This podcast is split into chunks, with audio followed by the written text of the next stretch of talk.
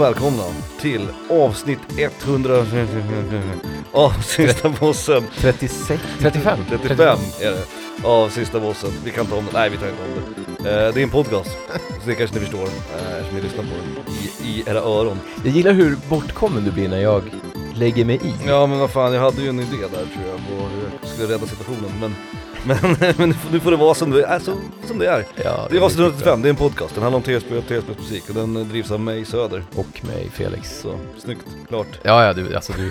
Jag tycker ändå, i, när det väl gäller, Mm. i en stressig situation. Mm. Jag vet inte varför jag tänker på så här segelfartyg, jag tänker på Master and Commander med Russell Crowe av någon anledning. Men jag tänker ändå att, att, att du är en ganska bra, du är en bra första styrman, jag är ju kapten självklart. Ja. Men jag tänker ändå att du, du, du kan liksom, du kan agera rätt under en storm, stormig natt på båten. ja, ja. Du drar dina, du, man vet inte vad man gör på en båt, man drar i rep typ. Svabbadäck. Svabbadäck. det är det jag vet. Men man kallar repen för tågvirke. Det har jag lärt mig. Mm. Man, man får fan inte säga rep på en båt. Vad är tamp? Är det en bitrep? Ja, det är en bitrep. Ah, okej. Men man, säger- man, tågvirke tror jag är den liksom. Block och talja har jag hört talas om också, det vet jag också vad det är. Det är så här, så här anordning som man, ja. Och gud förbjude att man säger höger eller vänster. Nej nej nej nej nej. Det får man inte göra. Eller fram eller bak. Nej, nej, nej. Fy fan, Söndagsseglarna liksom. båtfolk alltså. Eh, De, Ah, de, ja, har jag blev alldeles- mycket till övers för dem inte. Nej, jag blev alldeles matt av det där. Okej, avsnitt 175. Ja, Vi utlovade en jävla bra lista. en riktig jävla bomb. Mm. Det blev det inte. Nej. det kan vara... Jo fast i, Den sämsta i, listan. i, idén är ju faktiskt bra, det är inte idéns fel. Vi kan ge en shoutout till Emil. Ehm, Mm. eh, Ja, faktiskt Emils idé. Trogen, trogen lyssnare, kompis och eh, också får man mod i våran discord va? Ja, ja. Nu blir det som att vi bajsar på Emils förslag. Nej det gör vi, det, var inte, vi det var inte så jag menade. För förslaget Det var bra, idén var bra, eh, och jag skrev ju till dig idag att vi kör på den, för det, det är en bra idé. Men sen när jag började göra listan så insåg jag att fy fan vad tråkig min lista blev. Eller så här, min lista är inte, jag ska inte säga att min lista är tråkig, den, den passar, temat är uppdrag, by the Mm. way. Och det är så här, det är missions, side quests, side missions, whatever, sånt som finns i Quest tv-spel. lines kanske man kan ha? Questlines kan man ha, det är set pieces och kan det vara också, det är många av mina är liksom. Det, tekniskt sett kan det vara en bana också. Ja, tekniskt sett, jag har valt, jag det har är lite en... blurry linje där mellan banor och missions. Vissa, har- vissa spel är ju en bana som heter mission. Ja, bla bla, jag liksom. har en eller två som är precis gränsfall skulle jag säga. Men sen har vi ju vissa spel som typ Resident Evil 4, Devil May Cry, sådär, där, där, liksom, där banorna heter missions eller chapters liksom. Ja.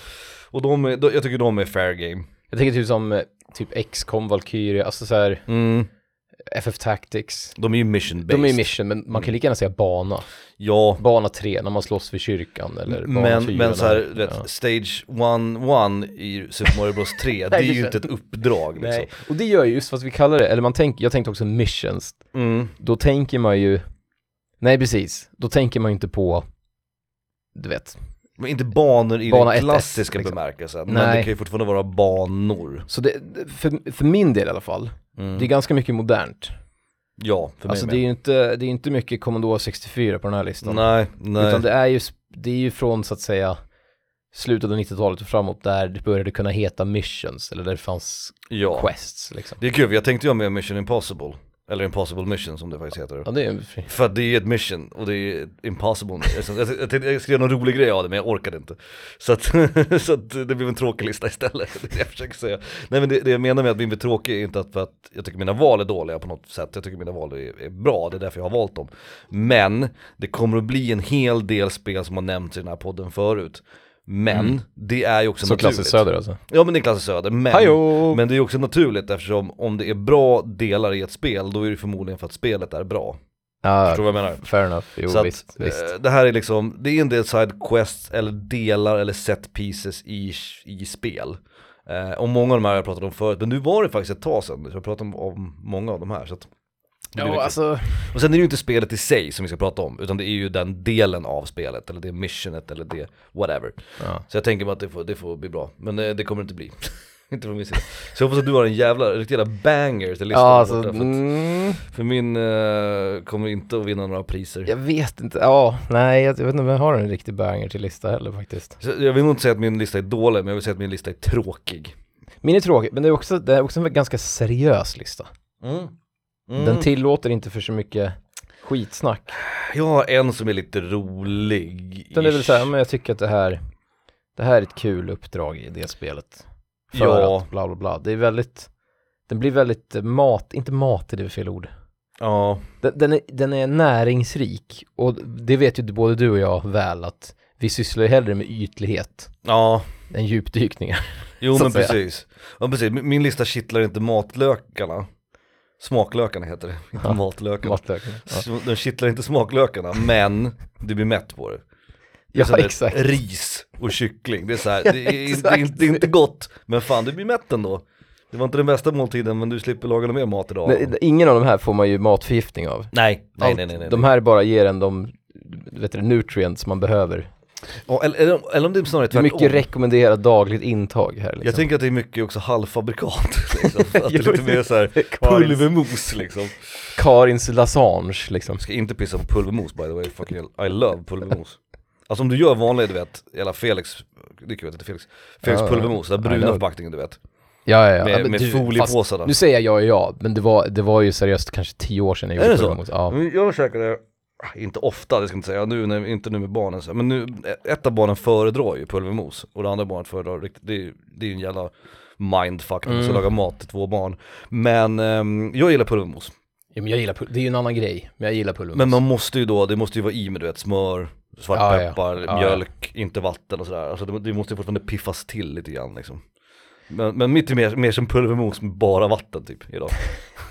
det är såhär, ja, du, du blir mätt, men fan jag vet inte fan om näringsvärdet är så bra ändå. När vi var ute, nej vad fan var det? Det var nog i lördags tror jag. Mm. Då gick jag, jag och Sofia gick hem och så köpte vi så här tunnbrödsrulle på stationskiosken Ah, mm. eller vad fan, stationsgrillen eller vad Mm. Den som ser ut som, som är formad som en båt typ. Ja det ska vara som en dressin va? Den heter dressinen? Ja, all Tror right. jag, eftersom den ligger på tågstationen. Jag är osäker, jag har bara ätit korv där någon gång. Ja, men, Också på fyllan. ja okej då. Det, men, och det är ju, när man går dit så är det ju, det står en kille längst fram. Mm, Han har Adidas-byxor. mm. Han, han brinner inte för det här jobbet. Han är rätt trött på folk jag tänker mig också för det är bara fyllon som vill ha Ja, ja, ja. Ja, men det är bara fyllon som vill ha en dubbel korv tunnbrödsrulle med extra räksallad två på natten liksom. mm. Och, då, si- och då sitter eh, kocken, och nu, Inom citationstecken. ja väldigt frikostlig, eller så här kock, ja, han sitter längst bak med sin mobil. Och sen skriker han typ så här, en, en dubbelrulle och en bla bla. Och han skriker, fast han sitter två meter därifrån. Mm. Och då reser han sig upp trött, och så tar han bort sin Instagram. Och sen bara, du vet, slänger han någonting på en grill typ. Korv förmodligen. Korv antagligen, ja. Och det, det finns någonting där, att Ja. det är så här, det, det är verkligen det, det mest minimala effort jag har sett i ett, också nu citationstecken, kök. Mm, mm, mm. Det, finns, det är liksom inget, han har, inte, han har ingen hatt, Nej, han har inte handskar, du vet såhär, några han plasthandskar. har ingen utbildning. Nej, nej, nej. Nej. Han sitter och kollar Instagram tills det kommer två fyllon klockan halv två. Mm. Och, Och vill ha korv liksom. ja, och det, det är någonting så jävla bra med det. Var det en god korv? Alltså, alltså tunnbrödsrulle är ju en sån här grej. När jag, det är en sån här grej jag bara äter klockan tre på natten. Mm. Då är man ju jävligt nöjd. Och det är det senaste gången jag åt, Det det, var i och för sig lördags, alltså det var ju förrgår liksom, eller vad fan det blir. Mm. Men det är senaste gången jag åt pulvermos. Men Ja, vi konstaterade också när vi åt den, både jag och Sofia, att hon, var, hon bara, jag kommer bli magsjuk. Ja, ja. För hon hade räksallad i och den smakade tydligen så här hela havet Ah, snurrar, säga. ja. Ja, Ja, räksallad kanske man ska skippa på så här gatukök. Eh, kan vara- skaldjur känns, Ja, det känns, mm, hur, det är som Hur att be om- be om halvfabrikatet. pilgrimsmussla liksom. precis. Det skulle jag, det gör vad som helst för att de skulle ha en pilgrimsmussla-rulle. Ja. Och så ser jag killen i bak med Instagram, Mm. iPhone 25 liksom. Han står och steker pilgrimsmusslor, det hade varit helt fantastiskt. Ja, det vore fan något. Men man är alltid nöjd, alltså jag kommer ihåg på gamla goda tiden liksom när vi gick hem från fester och sådär Det var ju alltid att man tog du vet, en kebabtallrik eller en kebabrulle eller någonting på vägen hem Och det är alltid svingott, för att man är hungrig, Ja. alkoholen gör ju sitt liksom. Mm. Sen är det någonting med att äta på natten. Jag gillar ju att äta på natten. Ja, Det var för inte så länge sedan man hickar här och går och lägger sig direkt. Undrar om det var i somras Som jag och min sambo, eh, vi kunde typ inte somna. Så vi bara gick upp, nej det var nu runt jul ju för fan, just det. Eh, Jag vet inte om det var hon som var sjuk eller jag som var sjuk och vi kunde liksom inte sova så vi gick upp mitt i natten typ. Och käkade vet, rostmacka och, och drack O'boy typ Fan. mitt i natten. Det är fan fint Ja, alltså. det är, nä- ja det, är, det är nästan för fint. Ja men det är så här, tända ljus och så äter man frukost fast klockan är så här, vet, halv tre på natten liksom. Det finns någonting med att äta på natten. Det där är nog det finaste i ett förhållande, nu snurrar vi runt ämnena här. Ja, ja, ja. Men jävligt fin förhållande grej, den här, kan inte du heller sova? Mm. Det, det har inte hänt mig på skitlänge för jag sover som jävla gud. Ja det gör jag Men också i och för sig. Inte, inte bra, det är inte kvalitet. Återigen pulvermos. Mhm. Men jag sover liksom. Ja. Men det kunde ju hända förr i tiden att man så här, nej jag mår illa. ja." Så gick man upp och bara, "Vart fan är, vad fan är Sofia liksom? Och så går man upp och så sitter hon och kollar på tv så här, halv fyra. Kan du inte sova? Nej inte jag heller. Du vet. Mm. Så gör man en räkmacka typ. Ja, och så sitter man där och du vet så bara, och kollar på, jag vet inte vad liksom, Ja, det, det, det finns någonting i det där, det, det ska man inte icke förglömma. Men jag tror att det, det är någonting också att, att få i sig en typ näring, för kroppen är inte van vid att få näring mitt i natten. Nej. För då sover den liksom. Så den blir typ, jag, jag tänker mig i alla fall att den blir glad. Att den säger det här är något nytt. Jag har inte, jag har inte ätit mat så här sent liksom. Jag har inte fått näring i mig så här sent på, på, på en dag, någon, liksom, på flera månader. Jag, nu känns det som att jag är full, men jag har så jävla mycket teorier om det här. Jag har så jävla mycket teorier om det här. Just det här med, jag tror inte på att äta på, sam, på tider, du vet. Nej, nej. Jag tror att det är bullshit. Mm, Jag, vet tror att evolutionärt så åt vi när fan vi hade mat. Jo, så är det nog. Och så blev det liksom bara att vi, ja men det är lättare att ha det vid vissa tider så att alla är hemma då eller Ja, någonting. jo det, det, så tror jag också. Men jag tror inte kropp, tropp, Nej. kroppen skiter fullst Om man är hungrig, ät. Ja, Om man är mätt, ät inte liksom. nej precis. Nej, Don't med. quote me, eller så här, Nej du ska inte leva efter det här det är inte kanske. hälsopodden ni lyssnar på. Nej men det är som, jag, jag äter ju aldrig frukost. Alltså aldrig. Eh, Nej för att jag är inte sugen nej för jag är inte hungrig liksom. Och jag blir hungrig runt lunch och då käkar jag lunch liksom. Och ibland så käkar jag inte ens lunch, jag käkar bara middag på en dag. Det händer då och då också. Och jag går ju inte runt och är hungrig liksom, för min kropp är ju van vid det. Så jag tror också att man kan ställa sig om, ställa om Ja, sig på det där nej också. det är lugnt. Jag tror att, det är samma sak med det där jävla sömntåg. Det är ju ett skit som jag aldrig har trott på. Fast jag tror på sömntåg. Ja jag vet att du gör det och det är det sjukaste, jag, jag tror att det är bara jävla bullshit. Det är bara gå och lägg dig när du är trött liksom, det är inte svårare än så. nej, men det, gör jag ju. Ja. Det gör jag ju. Men om man missar ett sömntåg, då är det kört. Då måste man vara vaken typ tre timmar till innan nästa sömntåg. Vart går det här tåget? I hjärnan? I kroppen? Men det är som att, jag tänker att det är som en så här sinuskurva. Nu, nu försökte jag göra ett ljud som skulle Nej, representera, men- mitt ljud som representerar sinuskurva är alltså inte då som det borde vara en ton, Nej. utan det är. Och att vissa tider funkar det bättre att gå och lägga sig än andra. Men då, då säger ju du emot dig själv, du säger ju att med mat, då, det där spelar ju ingen roll. Nej men borde mat, kroppen också, att det är bättre att äta mat vid vissa till, tider på dygnet också. Att men kroppen alltså, är inställd på mat. ja, men det är ju skillnad på mat och sömn, eller? Nej men vadå, så du tror på sömntåg men inte på mattåg? Nej, mattåg tror jag. Du, får, du kan inte både äta kakan och behålla den liksom. Nej men det är ju som att du, vi kan skita i podden för nu vill jag prata om det här. Men det, det är som att du, är- om du är hungrig Ja. Och så väntar du en timme, det är inte som att du inte är hungrig då. Nej men om Då är du... du mer hungrig. men du- om du är trött och väntar en timme, Ja, då är du du skiten att gå och lägga dig. då du då kan du bli pigg. Nej! Det, händer ju inte. Ring, skriv in och berätta. Ja, ja. www.intevårriktigadress.com För folk är ju en sån jävla bra källa också. Jag känner så här ibland. Ja, men då är det så. 111 typ Uppsala gatan. Nej, sömntåg. Det är samma som med folk som tycker att det är för ljust för att sova. Det är så, du blundar ju.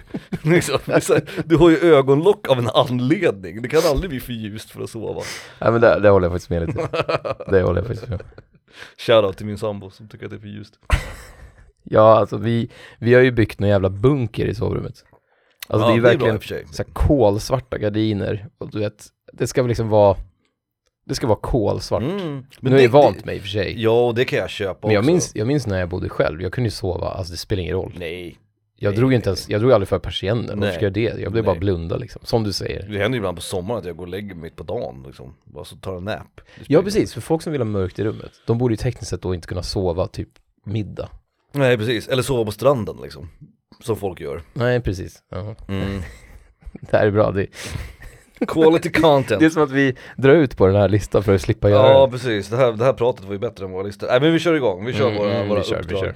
Så får vi se. Tror du att det är några crossovers förresten? Kan bli en. Okej. Mm. Det, det, det är den enda jag kan tänka mig. Mm. Jag har två, tror jag, som kan vara crossovers. Vi får se. Min eh, tia är inte en crossover i alla fall. Eh, det är från Batman. Mhm. Batman see. Mm. Från Batman-spelen, eh, som också är ett spel som jag, eller spelserie som jag har pratat mycket om i den här podcasten, men det var ett tag sedan. Det var ett tag sedan. Så du Ehm, kommer fan undan med det. Och jag har inte spelat dem faktiskt på länge. Ehm, och det är ju fyra spel som jag räknar in till den här serien då. Det är Arkham Asylum, Arkham City, Arkham Knight och sen är det då prequelen som hette... eh, Arkham Origins. Origins, tack. Jag skulle säga Arkham Begins, men det är ju filmen som heter Batman Begins. De fyra spelen, väldigt bra. Jag tycker om dem allihopa. Uh, vissa mer än andra, men på olika sätt. Arkham City är nog det jag tycker om bäst. Och de som är kul i, i både uh, Arkham Asylum och Arkham City och även i Arkham Knight är eh, hur de har löst eh, gåtan. Eller Riddler då, som han heter i originalspråket. Gåtan som är gåtan. Ja, att han inte är en boss utan han är alla små pussel. Och man- de måste man lösa då för att liksom få tag på honom eller få fast honom och sådär. Det, är ändå, det känns som att de borde haft honom i första spelet för att han tillåt, han, det är som att han är en gameplay-mekanism. Mm. Alltså du vet, det är som att han, en skurk, Batman-skurk som heter Sidequests, eller typ Ja, Fetch, exakt. du vet, Fetch Quest. Hade fan, eh, det borde han fan ha hetat, för det är precis det han är liksom. Hela hans liksom roll i både Arkham Asylum, Arkham City och i Arkham Knight också om jag inte missminner mig. Det är att han är ju bara en lång jävla sidequest.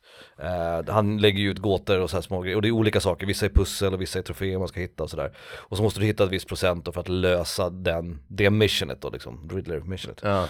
Ehm, men det är ganska, jag vet inte, det är ganska snyggt skött, men å andra sidan som du sa nu också, att de hade liksom inte kunnat göra det på något annat sätt.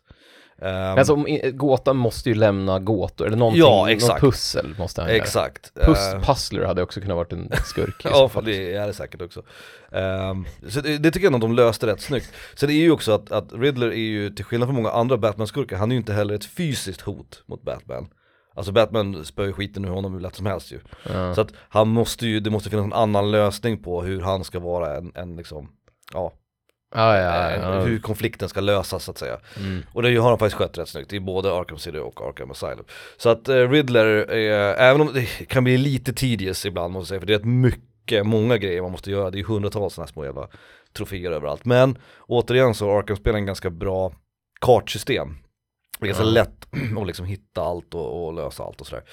Och så har de löst ganska roliga sätt på att, jag vet inte hur hur jag ska lägga fram det, men om det är Arkham City, att vissa av fienderna man möter, de blinkar grönt. För de har Batman då, han har identifierat dem som Riddlers hantlangare. Så att när man spöar dem, och spöar man dem sist, då kan han, eh, vad heter inte intervjua, det var inte bara arbetsintervju, vad heter det? Förhöra. I förhöra, precis, interrogate, precis. Intervju. Och, och då berättar de, ja men det finns några grejer runt i det här området. Och så spöar Batman upp snubben och så dyker det upp nya saker på kartan liksom. Ah, Så det är en ganska snygg lösning Ja, liksom. de, de har löst det rätt bra, måste jag ändå säga. Så Riddler, eller Riddlers side quests i eh, Arkham-serien var- är min plats nummer 10. Hmm. Mm. Jag tänker bara på så här typer av pussel, alltså typ, jag tänker på du vet Resident Evil 4 som hade det där, du vet slide puzzle. Mm. Och så sitter Ja. man där och du vet, man slåss mot, man räddar världen höll jag på att säga, det gör man inte alls i det. Man räddar presidentens dotter. Och sen Mm. gör man ett sånt jävla slide puzzle Mm. som känns som du vet Du som prenumererar på Kalle Anka, du fick ju sådana, man fick här plast Ja. Med såhär nio små fyrkanter, nej förlåt, åtta små fyrkanter som man ska glida runt Ja, liksom. exakt. Och då känns det helt plötsligt som att, vad fan, är det en Kalle Anka prenumeration nu helt plötsligt? Mm. Men så illa är inte de i, i, i Batman-spelen. Men så är måste jag, jag ändå är inne på det, slå ett slag för det enda, eller det, en av de få grejerna som jag tycker är skitbra med, med Mass Effect 4 är att där är det ju sudoku, alltså sudoku-pussel. Mm, Det mm. hittar man ju som så här, Mm. gammal alien tech från Mm, 10 000 år mm. innan. Och då är det alltid ett sudoku-pussel och det, de tycker jag är skitkul. Ah, jag vet att till okej. exempel Emil hatar dem, för han gillar inte sudoku liksom. Nej, Sudoku. Kim Sulocki, ja. Ja. Men jag tycker, ja, det, det är så här, men det är också sån här smaksak vad man tycker om för pussel. Och det är tråkigt om det är ett tema på pussel Ja, som återkommer hela Ja, tiden. som återkommer. ja. och så är det verkligen det man inte gillar att göra. Ja, liksom. det vet jag fan, jag vet inte, jag, jag är ändå helt okej med, med Sukoduku, jag tycker det är rätt, rätt kul. Det är inte svåra heller, ska vi Nej, tillägga. Det är fair, väldigt fair. enkla. Men då kanske det skulle flyga ändå. Väldigt tillfredsställande och liksom så här, och klara. Typ. Ja, ja men det, är- det är väl ingen dum Man idé. känner sig smart fast man inte är så jävla smart. Typ så. Ja det är bra, det gillar jag, det gillar den här spelaren. Men slide puzzles, de, de fattar jag aldrig. Det Nej kan jag ta, hatar slide det kan ta puzzles. sån jävla tid innan jag liksom Ja, jag tycker om Och när jag precis har kommit på hur man ska tänka, då är det liksom det löst. Och så har jag glömt det till nästa. Det är samma med så här visuella så här bilder som ska vridas typ och sånt där. Det, det kan funka, ibland- Resident Evil 4 Remake till exempel har ett sånt pussel. Som bara är såhär, du vet, det slutar med att man bara sitter och snurrar på alla liksom Ja, man skiter i det. Brute forcear bara, helt Ja. plötsligt bara, och så blir det rätt och bara fuck it, nu, nu får det vara liksom. Så nästa gång, jag körde ju det flera gånger, och du vet, du har ju inte lärt mig hur man gör, så jag får sitta med den där skiten igen liksom Ja. Då är det bättre att bara kolla upp det i sådana fall och bara, du vet Vrid den tre gånger, vrid den två gånger, vrid den fyra gånger så är det klart liksom Ja. Ehm, Nej men jag är inte, jag är inte förtjust i dem, Jag slidepasses hatar jag, jag har alltid hatat dem Lång, stora också, så här sex gånger sex rutor. Ja nej nej, nej, nej, nej, fuck that Min tia. Nu är, det som att vi, nu är det som att listan är på pussel, men det var den inte. Men eh, det otroligt underskattade spelet Days Gone. Ja, det såg jag häromdagen, det dök upp i mitt flöde på något sätt, jag vet inte varför men ja Jag tycker synd om den, den studion som gjorde det. De, de släpper liksom, de skapade så släpper de ett spel. Och så får det så här 40 av 100. Alltså det, det enda jag sett Eller vad fan det det spelet fick, det fick väl mer, det fick 60-70 kanske. Alla sådana bilder, alla screenshots grejer, det enda jag ser det, är- det är att alltid att det är folk på motorcykel mm. och så är det typ en zombie Huvudpersonen är ju biker liksom. Ah, okej, Så att det, det och han var han är så här med i ett gäng. Men sen så blir det, sen blir det ju typ Last of Us. Och då blir han ju en överlevare. Men han har kvar sin motorcykel och sin, ja, sin skins. ja, ja, tror jag de kallar det för. Alltså Okej. hans eh, läderväst. Ah, just det, cut brukar det Cut, kallas kanske den säger. Ja, det brukar vara, det är såhär gängmedlemsvästar Ja, Men då finns det alltså en, det- lång historia kort, han, han, hans fru, hans tjej försvinner liksom. Mm. När hon blir skadad i början av, i början av liksom storyn eh, Mm. och försvinner. Hon skickas iväg på en helikopter när, precis när det bryter ut. Så det är panik överallt och bla bla. Mm. Och sen så handlar hela spelet om att man ska kolla om hon lever eller död och vart hon är någonstans. Mm. Och då finns det en quest, då finns det en sån här statlig läskig organisation som heter Nero. Som är liksom så här killar i, du vet, hazmat suits Mm. som har teknologi och som åker runt och de pratar inte med de alla överlevarna och så här, de bara liksom gör sina grejer. Typ Okej. försöker hitta botemedel, vad fan de gör liksom. Mm. Och då får han reda på att de har, de hade tagit henne till något av deras camps och typ försökt rädda livet på henne. Liksom. Mm. Och det var det sista han visste om hade hänt. Och då, då hittar man en sån kille som man får kontakt med, liksom, som man hotar. Och sen så träffar man på honom och klämmer ur honom information. Och så försöker han använda deras databas för att hitta mer information om Men är det här en del av main storyn så att säga? det, det är ty- Ja, det är en del av min Okej, story. ja, mm, Men den är, den är jävligt bra alltså. Den är rikt, det för man vet, jag som spelare, jag var ju fan inte säker på om han var död eller inte. Nej, nej, nej. Jävligt länge liksom. Och det är jävligt spännande och så får man nya ledtrådar att så här, han har hört att de tog henne till något sjukhus, bla bla bla, där borta. Och Mm. sen så, ja, och så utvecklas storyn. Och det tyckte jag var ändå, så att jag har skrivit det nu, som, eh, O'Brien heter han, eh, han, ens kontakt där på den där organisationen. Och Mm. jag tycker den, den questlinen är jävligt spännande och jävligt cool liksom. Mm. Och som sagt, som du sa, det är en del av main questen. Mm. Men gillar man typ, det är lite så här, du vet, dåligt, det är som ett jättedåligt, eh, ja, typ ett jättedåligt bland det sista. Okej. Med lite uncharted grejer liksom. Vilka som har gjort det här?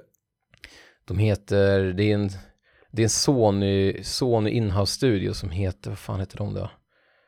Jag kommer inte ihåg. Ja för det är Sony Act va? Alltså, IPn är ju, Mm. ja precis, Mm. för det vet jag Men det är amerikaner såklart. mm. Eh, Och sen finns det väl mycket, men det, jag tycker ändå det finns, det finns bra karaktärer. Det ganska, och storyn är, storyn är tillräckligt intressant för att man ska ta sig igenom hela spelet och vara helt nöjd när man är klar liksom. Ja, ja, ja det är fair Men vi kör en låt.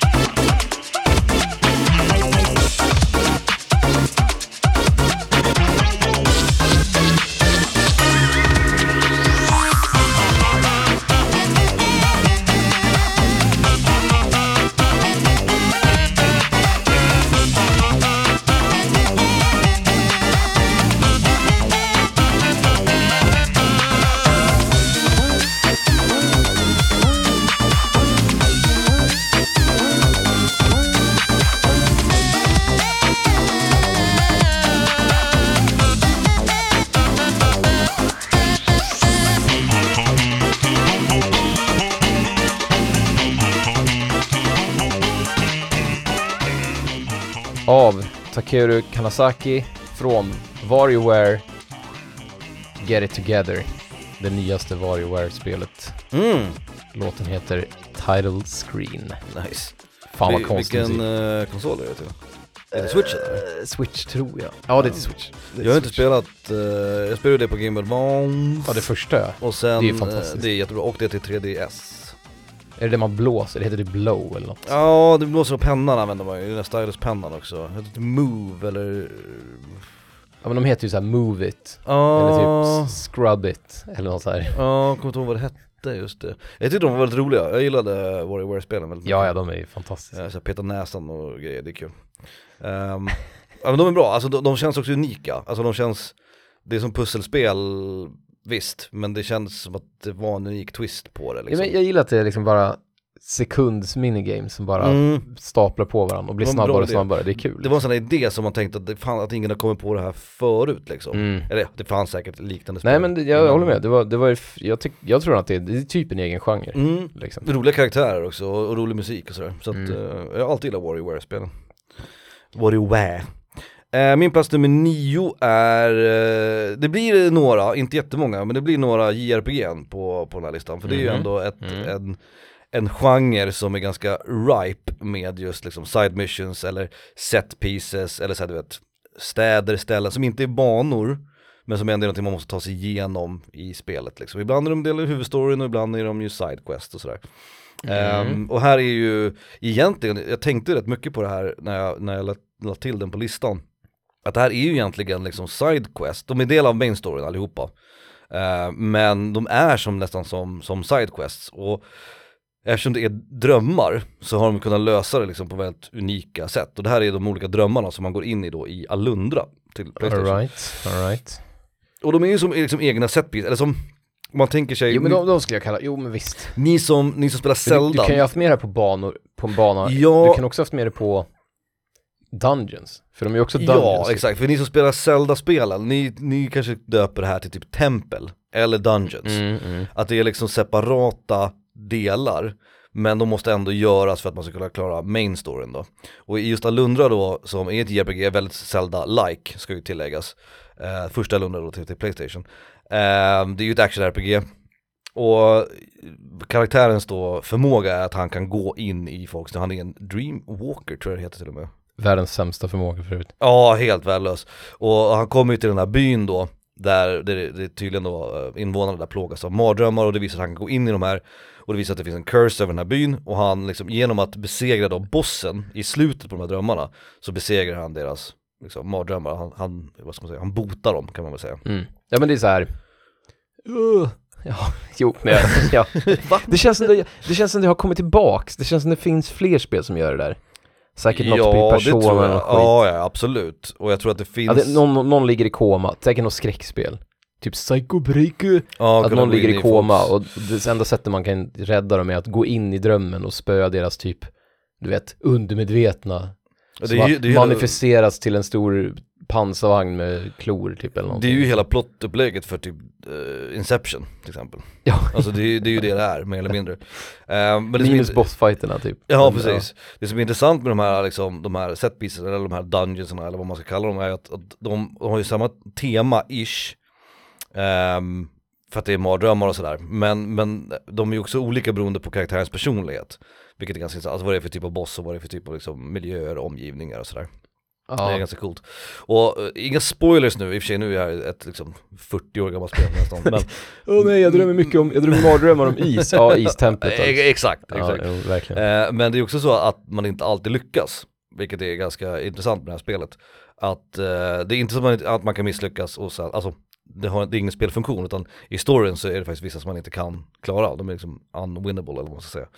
Och det är ganska intressant för det gör rätt mycket för storyn också.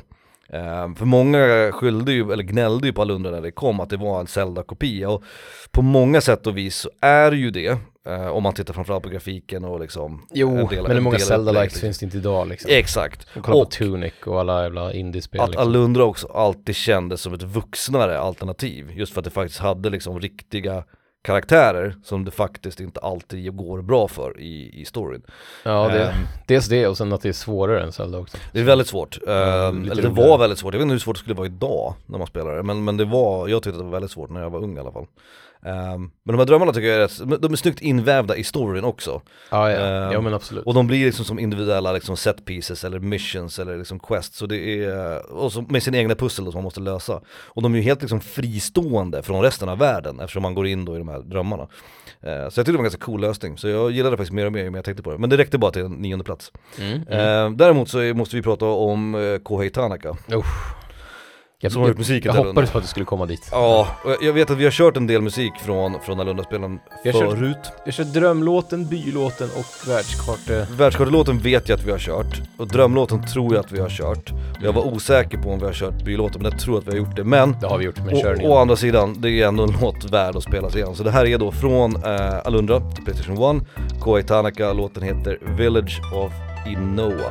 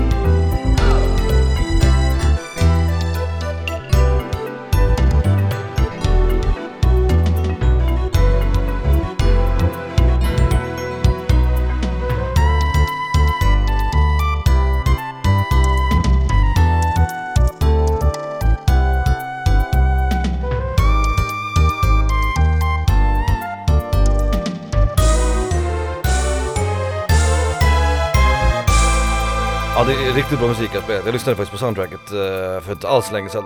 Det är inte många dåliga låtar på det soundtracket. Kan jag säga. Det är en del lite så här långsammare så här, gruvlåtar som vi kallar Ja, dem. det är mycket gruv... mycket Eh, gruvlåtar. Gruvlåtar, men eh, soundtracket överlag håller en jävligt hög kvalitet, Ja, måste jag säga. Jo, men han är ju han är duktig på riktigt liksom. Ja, ja, Det- ja det är riktigt bra. Ja, shit. Och, och gillar ni sån här liksom JRPG-musik, kolla, kolla upp honom och hans. Han har gjort, han är väl också, han gör också musik till anime va? Ja, precis. Han gör till, vad fan heter det då? Eh, One Piece. Ja just det, precis, precis. Världens mest överskattade anime-serie. Ja, som alla anime-serier. Mm. Men eh, ja, precis. Han är väldigt känd i de kretsarna. Eh, Ja, ja, ja, ja. Och Gravity, Gravity Rush också, ett och två och så här. Han är grym. Han är Ja just det, det är också han ja. Han är, ja, han är en av de bästa. Ja, han vet vad man Fy gör. fan. Ja. Eh, min nia, Jupp. Skyrim. Nu ska vi prata Skyrim i 45 minuter. Tobakin, tobakin. Nej, det ska vi inte. Jag kör ju alltid pilbåge, det vet du. Ja, Pilbåge är bäst. om jag vet. Usch, pilbåge alltså. Det, det är ju sjukt. Ja, att det jag, nej men, ja dels det. dels det. Det är också sjukt att jag nu i 40 års ålder, att jag aldrig, jag, dels att jag inte kan skjuta pilbåge. Nej, det är också märkligt. Det blev jag väl medveten om när jag var hemma hos Johans landställe. just det, där har jag hört om. Ja, det var, det var ju som en scen ur, du vet, Karlar i trikåer. Det var som en Mel Brooks. Ja. Du vet så här, jag håller upp pilbågen och sen flyger pilbågen iväg. typ sådana grejer. Eller att så här, jag, jag drar och så ramlar pilen ner på skon. Typ. Mm. Det var sådana scener liksom. Hand-öga-koordinationen är inte riktigt där liksom. Men du vet det här montaget när han ska lära upp, Ja, ja, ja, jag vet, jag vet exakt vad du menar. Robin Hood ska lära, du vet, Merry Men och skjuta pilbåge. Då var jag en av dem liksom. Så jag kan tänka mig att Johan Emil tittade in i kameran. Liksom. Ja, exakt, ja exakt.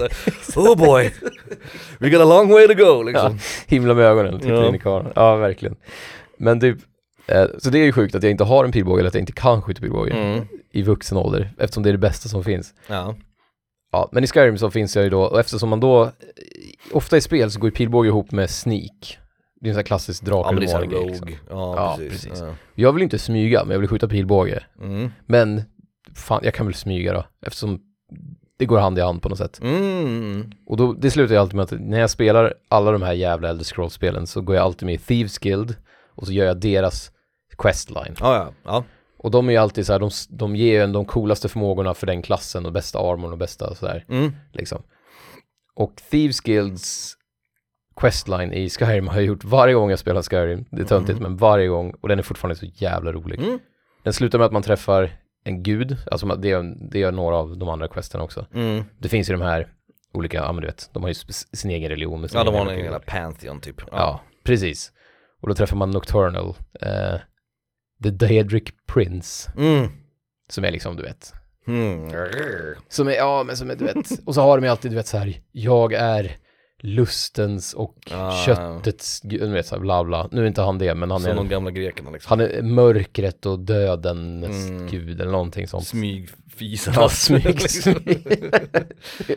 Beskyddare, ja. Skjuta pilbåge i träningsmontage och pilbågen flyger iväg istället för pilens gud liksom. Ja, Ja du är verkligen the chosen one Felix. Ja. doing!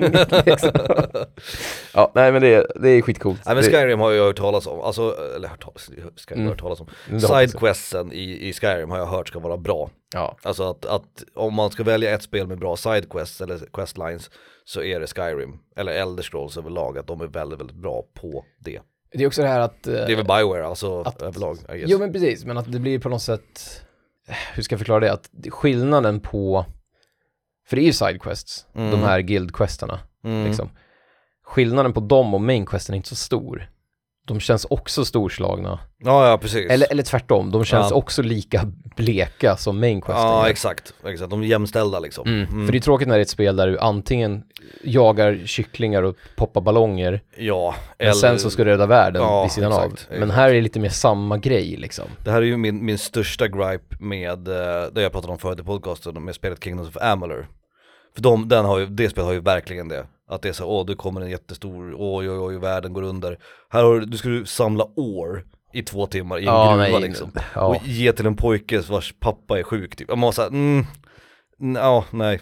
Så då är det bättre att det är så, att det är jämställt. Eller att det faktiskt finns en viss tyngd även i sidequests. Mm. Ja men precis. Och det har jag hört att, att eh, framförallt Skyrim men också Elder Scrolls överlag ska Eller då som, ja, eller som Bethesda är så bra på att deras, Jag deras Bethesda menar jag, jag, Ja, ja, ja, jag, ord. jag fattar det, men att det de är så bra på, att deras main quest är så blek. Ja, så man får antingen dra ner main questen lite grann, eller dra upp side questen lite. Ja, ja, så länge de är jämställda så är det ju lugnt Ja. liksom någorlunda, precis. mm, mm, mm. Ja, det var min nya. Uh, Rimligt. Thieves Guild questlinen kan man väl säga. Skjuta pilbåge Det är typ pilbågen 13 uppdrag eller någonting. åker iväg istället för filen Står filen kvar Min plats nummer åtta skulle kanske kunna vara en crossover men jag tror inte att det är det Men det är ett spel som både du och jag håller väldigt högt high, i high esteem Mm. Det här är XCOM 1-ish då, eh, det som heter Enemy Unknown Mm. eh, Mm. som går till PS3 va? Eh, Ja, just Och det är ju, hela, hela spelet är ju mission baserat. Ja. Så alla liksom banorna slash set pieces är ju missions. Och det finns en hel del här som är ganska minnesvärda men jag var ändå tvungen att gå då med The Temple Ship. Som då är eh, sista riktiga liksom uppdraget. När man har infiltrerat och utomjordingarnas liksom bas. Ah. Och man landar på skeppet. Ska jag våga eh, erkänna att jag aldrig kom så långt? Ja jag vet, jag vet, jag är medveten om att, jag för mig att det var tvåan i och för sig. Men Jag, mig misstänker att det borde vara något sånt som är typ sista uppdraget, men Ja. jag, jag kom inte Och det här är ju ingen riktig spoiler för det är egentligen, det är ju bara tre eller fyra liksom uppdrag i spel som man måste göra va, alltså storymässigt tror jag. Ehm, ja men det är ju uppbyggt på det hela sättet att du kan liksom, man kan, men du måste ju göra vissa saker. Eh, och så uppgradera och grejer, men det är egentligen precis. bara vissa och då quests. får man tillgång till... Ja precis. Ja. Eh, så du kan ju tekniskt sett klara, om du är duktig då så kan du klara XCOM ganska fort liksom. Ja, ja det var... Men, eh, men eh, XCOM är ett jävla svårt spel och sista jävla missionet är inte kul.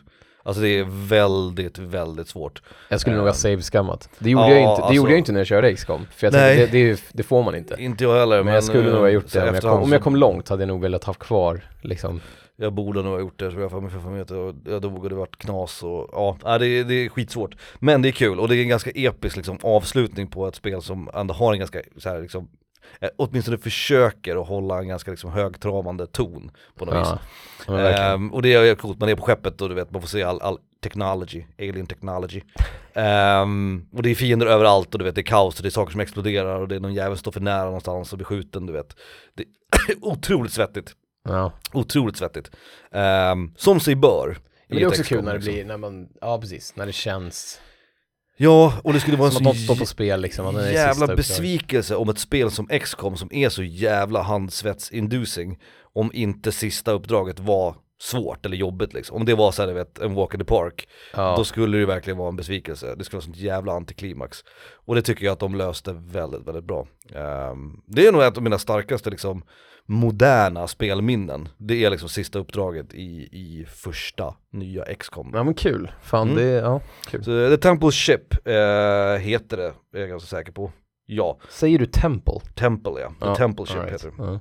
För det är ju ett skepp, alltså ett rymdskepp, men det är ju också där de tillber sina jävla ja, whatever. Så det är The Temple Ship. det är som Hästväktaren Ramunda, typ. Andromeda. Ja. Det är också ett tempelskepp i slutet. Uh, XCOM, Enemy Unknown, eller Enemy Within hette upp, uppdateringen va? Men Enemy Unknown hette spelet som släpptes. Just det. Det var min plats nummer åtta. Eh, min åtta. Ja. Jag kunde faktiskt inte välja. Och där är också att allting känns ihoplurat. Oj, så du har fuskat ihop två, hmm. Ja men det, det blurrat ihop det i huvudet lite grann. Mhm. Så jag, jag valde bara Sidequest där. Mhm. För där är det verkligen så att main questen, precis som jag var inne på i Skyrim, main questen känns... Det är, den, main questen är cool. Mhm. Det är en drake som tar ens hjärta och så här, det är coolt. Vad fan pratar du om? Eh, Dragon's Dogma. Ja! Så, jag kanske inte sa. Nej du sa inget spel, right. jag bara, vad fan är du pratar om? Right. Ah, ja just det, ja, just det. det här har Eh. vi spelat mycket på senaste tid. Ja, men och det, och det är ju skitcoolt liksom. Men Mm. den är ju också väldigt, alltså main questen är ju väldigt så här. gå till den stan, prata med den här snubben. Mm. Han behöver hjälp att eskortera en vagn med flyktingar, eller du vet. RPG-igt. Ja, men det skulle lika gärna kunna vara en sidequest. Mm. Och vice versa liksom. Mm. Sen kommer det vissa main story uppdrag är, är skitcoola liksom. Mm. Men många av dem är liksom, som, där, där var det verkligen så att jag kände, där är det noll skillnad på sidequest och main questen egentligen. ah, okay. Allting känns lika stort slash lika det, det, det, man får verkligen känslan av att det är samma stakes liksom. Ja, det har samma tyngd liksom. Mm. Det, så att om du ja, skiter i en sidequest, då känner du så här, fan, jag borde, jag borde rädda henne, hon var ju så snäll mot mig innan, eller någonting. Mm. Du får samma känsla som att du skulle skita i en main quest. Så du vill göra allt, Ja, i stort sett allt du Ja, hittar. Och det tycker jag är en väldigt starkt betyg på sidequest i ett spel. Liksom. Mm. Mm. Och Dragon's Dogma har det verkligen. Det är, liksom, det är lika mycket röstskådespel, alltså det är inte så att de, du vet, de, de sparar inte in på någonting Nej. för att det är en sidequest. Du kan fortfarande möta lika coola fiender. Det är, det är lika mycket dialog, skriven dialog liksom. Mm. Och sådär. Bara att, nej du behöver inte göra det uppdraget. Det är mera så, det är mera som frivillig. Ja, jag förstår. Jag Main förstår. quest känns som, mm. ja. Så Dragon's Dogma, eh, för att det känns som progress typ. När kommer nya? Har det ett releasedatum? April tror jag. Är det så, så snart?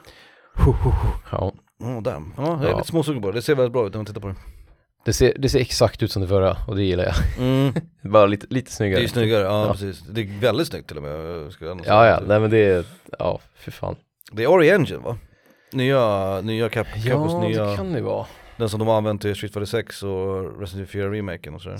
Det kan det nog fan vara. Jag tror att det är Re-Engine som vi säger i branschen. Ja, ja. Ja, nice.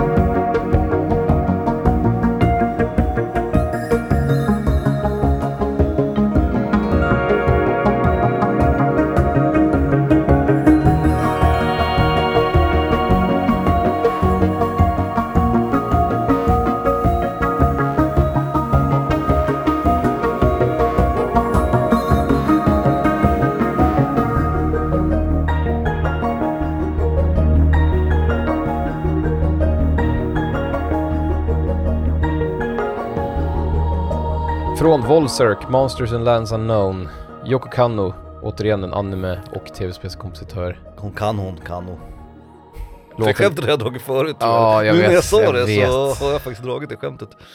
väldigt meditativ låt, Mm. men mysig. Mm. Den heter Rusted Memories med två T.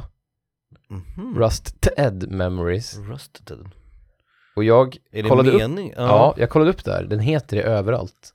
Huh. Kan det vara så att Yoko Kanno har stavat fel? Men kan det vara någon karaktär eller någonting i spelet? Det skulle, är- kunna, det skulle faktiskt kunna vara så. Att någon heter, ja något, jag vet inte.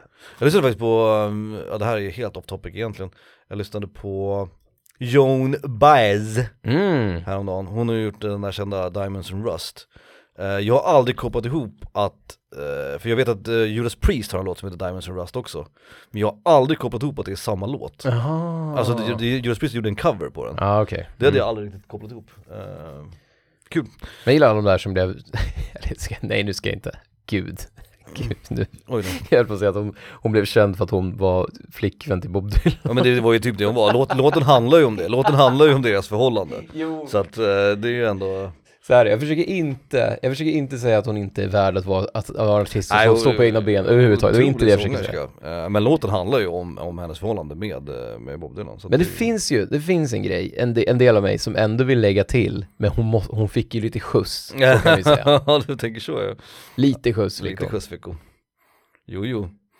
eh, Var fan är vi någonstans? Min sjua va? Precis som att Viktor i Samir och Viktor, nej det var inte, okej fortsätt. ja de förtjänar väl knappt, eh, ja skitsamma. Vi ska inte gå in på den, i den, eh, i det getingboet.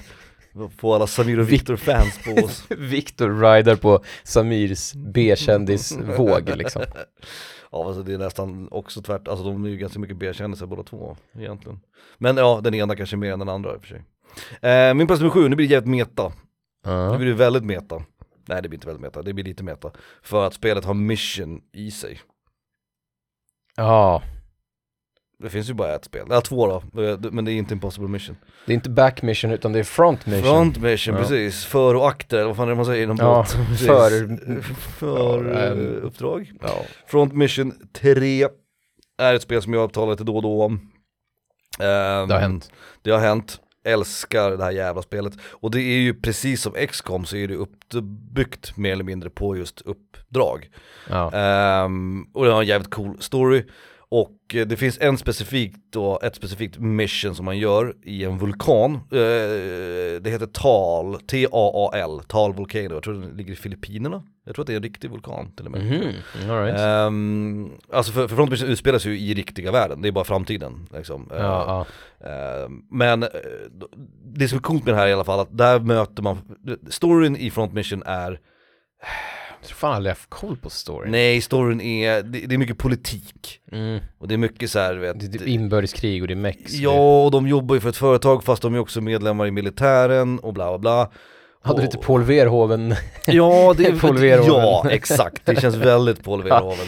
Men det roliga privatisering med andra. Det handlar om privatisering. ganska lång del av spelet så det, det är väldigt så här verklighetsförankrat och det är väldigt liksom så här, ja, och det, det är helt okej, jag har ingenting emot det. Men sen kommer man till det här Tal Volcano och då, då går anime, liksom, gearsen går igång liksom. Ja, ja. För då möter man eh, ett gäng som heter Imaginary Numbers. Och det visar sig att de är ju så här, vad heter det, eh, kloner typ. Alltså de är, de är skapade för att vara typ perfekta soldater. Imaginära tal, det är ändå, ett, jag gillar det. Ja, de Det är lite såhär Turks-varning. Ja exakt, Ja, och, så ja. och så finns det då en falang inom det här som heter real numbers Som då är riktiga med, alltså ja det är en Ja, hel, reella, ja, ja det, det blir jävligt, mattetermer liksom. jävligt anime blir det kan man ju säga eh, Och sen visar det sig ju då att huvudpersonerna, det är en kille och tjej man spelar som Att de har ju kopplingar till den här liksom, organisationen och den här liksom eh, Mm, mm, falangen Och det är faktiskt jävligt coolt eh, måste jag säga. Och sen runt där så introduceras då lite, så här, vet, olika gäng och så här. och det, det, jag gillar det Jag Även- älskar gäng. det blir väldigt så anime-bajsning mot slutet av det spelet, Men, framförallt, framförallt sista uppdraget Men det, just den här biten är ganska cool, för då har man haft, man har haft den här politiken och man har haft många så dialoger Och man har pratat om du vet så här, olika missions, olika fronts Ja. eh, Typ tre olika Ja, men- eh, och, och så helt plötsligt kommer det här från ingenstans, Ja men det är precis, coolt först är det liksom du vet, imperiet mot rebellerna eller någonting. mm. Och sen så presenteras ett gäng. ja, ja precis Jag älskar det. Ja du kommer, du, du kommer liksom- älska det här när du väl Såhär spelar lobbyister. liksom. Ja precis Och så, det är som Turks, för då, man, då, vet, då undrar man vad, vad, är, vad är eran agenda liksom? Vad vill ni då? Och så Ja. får man reda på det och bara, ah, okej. Liksom. Och det finns ett gäng som verkligen är precis som The Turks i Front Mission, som också är lite såhär comic relief De är onda, men de är också lite såhär du vet Ja men lite som, eh, som Safer i FF8, eller som Turks i FF7 Ja. De är lite mer såhär skojskurkar liksom eh, som kallar sig själva för Purple Haze. Och alla deras eh, mex är lila. Så att när man slåss då så, så ser man exakt vilka som tillhör det gänget liksom så här. ja. Och de du vet såhär, du vet, de, har, de hyser agg mot huvudpersonen Jag älskar det. Ja, Älskar. Du- du- jag har aldrig du- tänkt på det, det är ju liksom ett fenomen det här med JRPG-gäng. Gäng, ja jag vet, Ja, jag vet. En Det tredje faction som kommer in och, och vill någonting annat. skulle kunna vara en lista. Det finns i Xenogears, det finns i, alltså det finns ju skitmycket nu. jag tänker F7, efter. F8 har ju, Ja. eh, F- F9 är man ju ett gäng, då är man ju de här Tantalus tjuvgänget liksom. ja, det är sant, det är sant. Ehm, så ja. Uh, nej men just det, Tal Volcano, eh, då, då Front Mission faktiskt får lite, får lite fart liksom, Front Mission 3. Eh, musiken från Front Mission är dock inte jätterolig, Eh, den är okej, eh, men inte jätte, jättebra. De tidigare spelen har jag pratat om förut för det är Yoko Shimomura. Just det. Men vi håller oss lite i, inom JRPG-området. Och ett soundtrack som har seglat upp på min typ topp 10, jag pratade med om, om det här med dig bara i dagarna. Sea of Stars. Mm, mm. Eh, den jäveln som jag nu glömt vad han heter, Eric Brown va? Säga- jag att säga Carl Banal liksom. Eric W. Brown. Just Ja. Från Sea of Stars, det här är eh, Word, inte Word som i Word, utan W-I-R-D, Mm, mm. Training var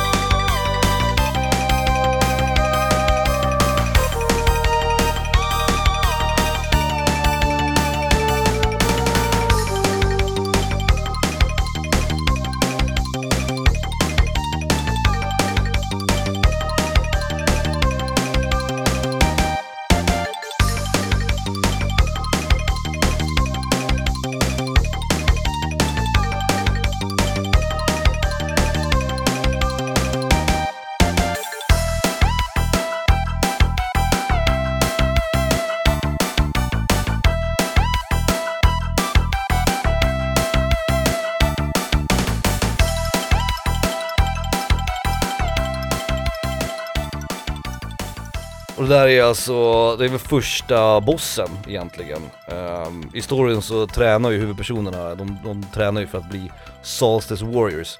Och innan de får lämna liksom akademin så måste de besegra den här training golemen då, som heter Weird. Så det här är första, eh, första riktiga bossfighten i Sea of Stars. Right. Fan. Ehm, cool, men ja, väldigt lätt men, eh, men cool. Och låten är ju asbra, all musik i det här spelet är fan otroligt jävla soundtrack. Ja men kul. Mm. Fan, det, ja. Och några Misuda-låtar vet jag också. Ja, Yasunori Mitsuda. Min sju, sjua, sjunde plats. Mhm. GDI Mission 15. Oj då. Men jag säger GDI, vet du vilket spel det är då? Nej det är svårt. Nej, är det en shooter? Nej, det är Command and Conquer. Aha. Första Command and Conquer. GDI är de snälla. Aha, Mod okej. är de elaka. Mm, okej. okej. Ehm, och det är sista uppdraget. För hela det här jävla spelet, eftersom det är RTS, så presenteras man ju för olika, typ nu kan du bygga den här pansarvagnen. Och så Mm. nästa uppdrag, så här, nu kan du göra det, typ. Mm. Så det är egentligen bara de sista typ uppdragen på båda kampanjerna där man har full, där man har tillgång till allt. Mm. Du kan bygga allting, du kan liksom, och det är en stor karta. Röka allt, dricka allt. Ja, exakt. Mm. Och du kan även då i, det är väl en klassisk Command and Conquer grej, du kan även ta över fiendebyggnader med engineers, man bygger en liten engineer-gubbe. Du kan conquer them. Mm. Mm. Och då får du tillgång, om du tar över typ deras pansarvagnsbyggarhus, då kan du bygga deras pansarvagnar till exempel. Ah, okej. Mm. Så att, och det gör man ju såklart. Ja, ja, ja. Så det här är liksom ett stort uppdrag med massa fiender och massa baser och skit och du måste verkligen bygga upp en jävla skitstor bas och en armé liksom. Mm. Och sen kan du även ta över deras, så att du kan bygga allt de har. Så att du kan liksom bygga en fiendarmé också med, och få använda alla deras coola byggnader och vapen och grejer Mm, liksom. mm. Allt det här låter rimligt. Så det blir som en, ett smörgåsbord. Det är som att, ja, du vet, Jag gillar, jag gillar smörgåsbord som uttryck, att det är så här, Ja. välja och vraka liksom. ja ja, nej men verkligen. Och det är också så här kul för RTS är ju ofta väldigt, typ det finns ju alltid de här uppdragen typ, nu har du bara de här enheterna och så Ja. måste du ta dig till ett ställe. Det utan- begränsade Ja, liksom. precis. mm. Eller typ, nu kan du inte, "Öh, den här banan har dimma så du kan inte använda Det är så jävla tråkigt att spel gör det, är en dålig spelmekanik tycker jag. Alltså när man tar bort saker från spelaren.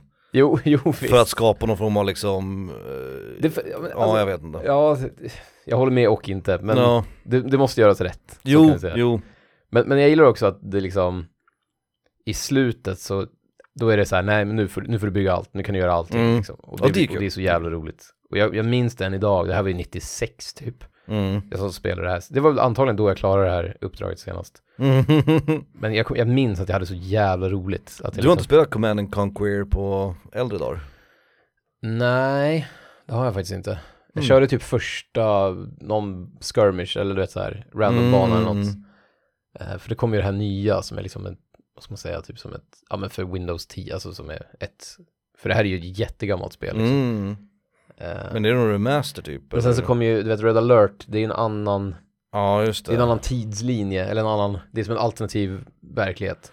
Vad var det som var Tiberian Sun? Vad var det? Och då är det, det är tillbaks till Command and Conquer. Ah. Så de har de två, ni som är fans kommer ju hata mig för det finns säkert fler men det är liksom Command and Conquer har en tidslinje och Red alert har en annan, eller en annan ah, okej okej, liksom. men det är samma gameplay, det är samma Ja. ja. utvecklare och det är någon alltså. sån här töntig storygrej typ om om man inte hade åkt tillbaka sin tidsmaskin, för det händer i något av dem, och dödat Hitler typ. Mm. Då hade världen sett ut så här istället. Typ. Ah, och så bildas all, andra factions och bla bla. Ja men det är väl ändå lite innovativt på något vis? Jo, jo, och det är kul. Men jag, som sagt, Red alert blev ju då i alla fall var det, blev Red alert den stora som, som de fortsatte på liksom. Ah mest, okej typ. okej, ja. Mm. Sen har de gått tillbaks nu och gjort, de har gjort typ lika många spel i båda, eh, båda liksom. Men, men för mig är det ju, det är första Command and Conquer och första Red alert som är de bästa liksom. Mm. Så sista uppdraget med GDI i Command and Conquer. Command and Conquer. Just det, det, eh, det hette ju bara Mission 15 så att man, jag har ingen aning. Det utspelar sig i Bosnien-Hercegovina i alla fall, Ah. vet jag. Men ja, Exotiskt. Ja. Eh, min plats nummer sex eller? Mm. Min plats nummer sex, eh, från Doom Eternal. Super Gornest. Ni som har spelat spelet vet precis vad jag pratar om här. Det finns två missions i Doom Eternal som är, som sticker ut. Är det inte coolt när man spränger Mars? Jo, det är hoppar in, Mars, hoppar in i Mars. Mars Core är skitballt för att man spränger ett hål i Mars och eh, Doomguy skjuter sig ut från rymdstationen med, med typ en BFG-kanon för att liksom flyga till Mars. Ja, Det är ballt. Ja, det är coolt. Det är coolt. Men Super Gornest, eh, jag tror att det är Mission 6 eller något sånt där. Jag älskar det för att det är så jävla tv-speligt. Så du kommer till en stad då som blivit helt övertagen då av de här jävla eh, demonerna. Mm. Så det är, så, det är klassisk så här, Doom, det är så här kokong, kokongporr håller jag på att säga. Ja, jag? ja, Du ja. vet, det är så här, ja, de har tagit över hela skiten liksom. Så byggnaderna är helt täckta i, så här, i olika kokonger och snusk och skit. Och det just den här delen av spelet är så jävla tv-spel, för det är så här, du vet, det är en dörr som har tre lås. Och du behöver hitta tre nycklar liksom. Och de här tre olika nycklarna finns ju såklart där det finns mest fiender. Så det är liksom det är som ett, ett nexus liksom, att i mitten Ah, där ja. så har du liksom, det är hit du ska, där är missionet över Ska du ta red key eller yellow Exakt, först? exakt. Liksom? Ja. Och jag, jag tänkte på när jag spelade det för att jag, jag gillade remaken av Doom, eller rebooten av Doom, den som kom 2016 Jättemycket Och jag ville verkligen att Doom Eternal skulle vara bättre Och så här i efterhand så, ja det är nog bättre för det är mer intressant gameplay mechanic mässigt Mm. Men jag var ändå lite besviken på, det var lite för mycket story, du vet Jag gillade ju när Doomguy inte sa någonting och man visste ingenting om honom och sådär För de började ju kladda lite på det där och det var, Ja, så men det jag- så jag mm, förstått det också, Så jag var lite såhär, meh, i, Lite orent. Ja, det blir orent precis. Ja. Men, och sen kom den här jävla, då kommer den här jävla missionet, det här uppdraget. Och då liksom de, de totally redeem themselves på något sätt. För att det blir så jävla, det är bara så arkadkul, du vet det är svåra fiender, det kommer jättemånga så här vågor med fiender, du hittar coola vapen på den här banan och du vet, det, det känns som tv-spel igen. Och det är Mm. därför jag älskade just rebooten av Doom, för att det är verkligen en arkad-shooter. Det är ingen jävla världskrig, det är inga gasmasker, du vet, det är ingenting Ingen som säger go, go, go. Ingen säger go-go, ingen som säger Roger, det är liksom inte riktiga vapen, du vet. Allt det som jag hatar med FPSer idag. Det finns ju ingenting av det i Doom. Nej. Och just den banan i Doom Eternal är verkligen, alltså det är så jävla Doom. Det skulle inte kunna vara något annat spel. Alltså skulle du se en pixel från det här uppdraget så skulle du bara, ja ah, det, det, det är från Doom. Liksom. Ja det är Doom liksom. Ja, Det, det verkar så att det går inte, det är så här röda portaler, det är kokonger, du vet, det, har- det har allt liksom. ja. Ehm, plus att man har den här coola nya gameplay-mekaniken då, att man kan hoppa och dasha och klättra på väggar och grejer. Vilket är skithäftigt. Visst och man får raketskor Ja precis, man får som en boost, jag kommer inte ihåg vad det heter nu men, men det är jävligt coolt. Sen gör man ju coola saker med det senare i spelet också, speciellt när man är ute i, så här, ut- ute i rymden. Men just det här missionet är verkligen, det är fan, det är tv-spel i sin renaste form liksom. Tre nycklar, en dörr, massa fiender liksom. Mm, mm. Det är perfekt. Så Super Gornest, säg det med ett straight face. Eh, från Doom Eternal, och min plats nummer sex. Ja, Roger Roger liksom. We're going in. 10-4. Ten for... Min, min sexa, var vi, var vi på den? Ja det är vi. Just. Ja, Vad har vi här då? okej. Spelet som är, de första fyra timmarna är fantastiskt och sen blir det ganska tråkigt och sen, så, sen blir, glömmer man bort det. Hogwarts Legacy.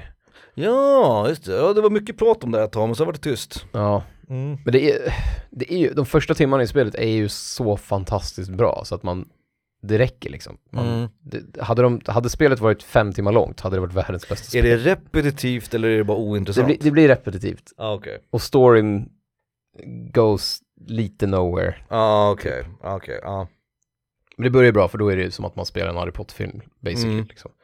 Eh, och då är det ju questsen där, man har main quest och så har man side quest som är alltid baserade på en av karaktärerna man, med kompisarna man skaffar i skolan och då kan man välja liksom vilka karaktärer man ska hänga mest med och göra deras quests. Mm. Och då är det ju Sebastian Sallow, alla har ju såna här namn, du vet vad heter det, med samma, samma Ja, bokstav. att de är, att de är um, Ja, det där ordet som Ja. jag glömmer vad det heter. inte anaforer.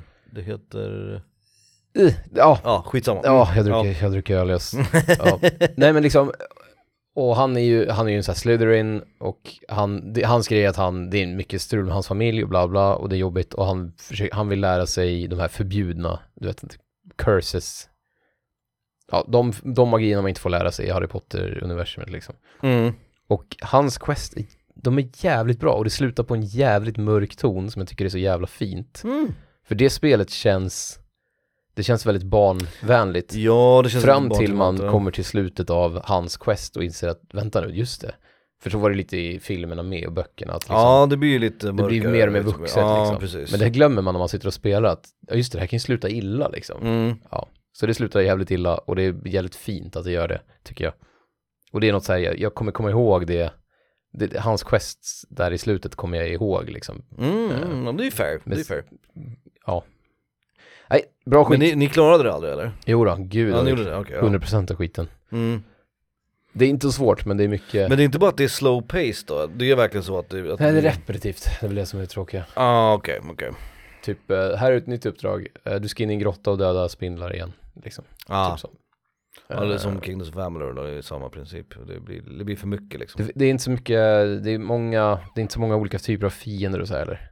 Det är tråkigt Och det pusslen, där. det finns massa olika typer av pussel, men till slut börjar man säga, ja nu har jag gjort 25 sådana här pussel och nu kommer det till. Ja för att om du inte har liksom variationen på innehållet, varför väljer du då att göra spel som är så långt? Det hade Alltså, Det är open world, det hade väl varit bättre om det var, mer linjärt liksom. ja, mycket Ja. mer linjärt. Så att de kunde göra en mera, för det är väldigt så här, åka runt i världen och göra, du vet, rensa camps, typ sådana grejer liksom. Det kan Ja. bli väldigt stelt till slut. Ja, jag förstår, jag förstår. Vi, vi, jag tror vi låt, jag vet inte, 200 timmar kanske.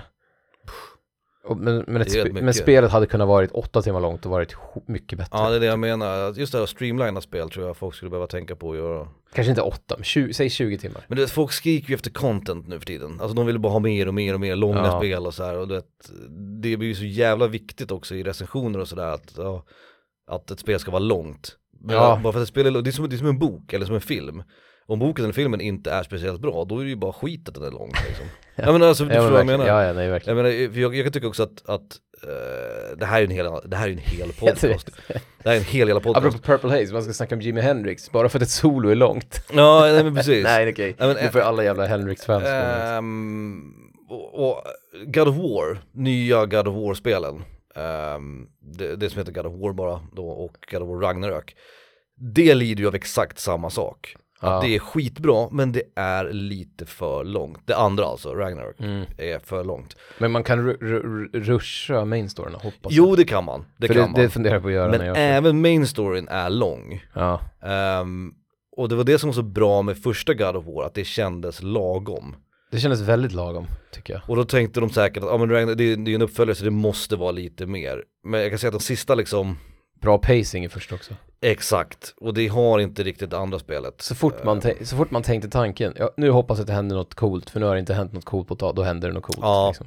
Ja, det, det är många story bits som skulle kunna klippas bort från det spelet. Om det spelet hade varit 10-15 timmar kortare så hade det varit en bättre upplevelse. Även om det är ett skitbra spel, det är det verkligen. Men det ska också jämföras med första God of War som, det kanske är orättvist för det var ett otroligt jävla spel. Ehm, men just det att där hade de verkligen, saxen hade gärna fått komma fram där. Ja. Någon hade gärna fått vara liksom, Barlog skulle ha gått in och bara snipp snipp och sen hade det varit lite, Ah, ja, lite tajtare så att säga. Ja, jag fattar. Eh, Men bra, men bra, men, men det var det jag ville säga. Eh, ska vi ta en liten paus innan vi kör vår 51 eller? Vi avslutar den här skiten med, Mm. Nu fick du radioröst. ja, en låt. Mm. Från Gunbury Goemon. Låten heter Hot Blooded Man. Också Horny Man har jag sett översättas till någonstans. Submarine Castle.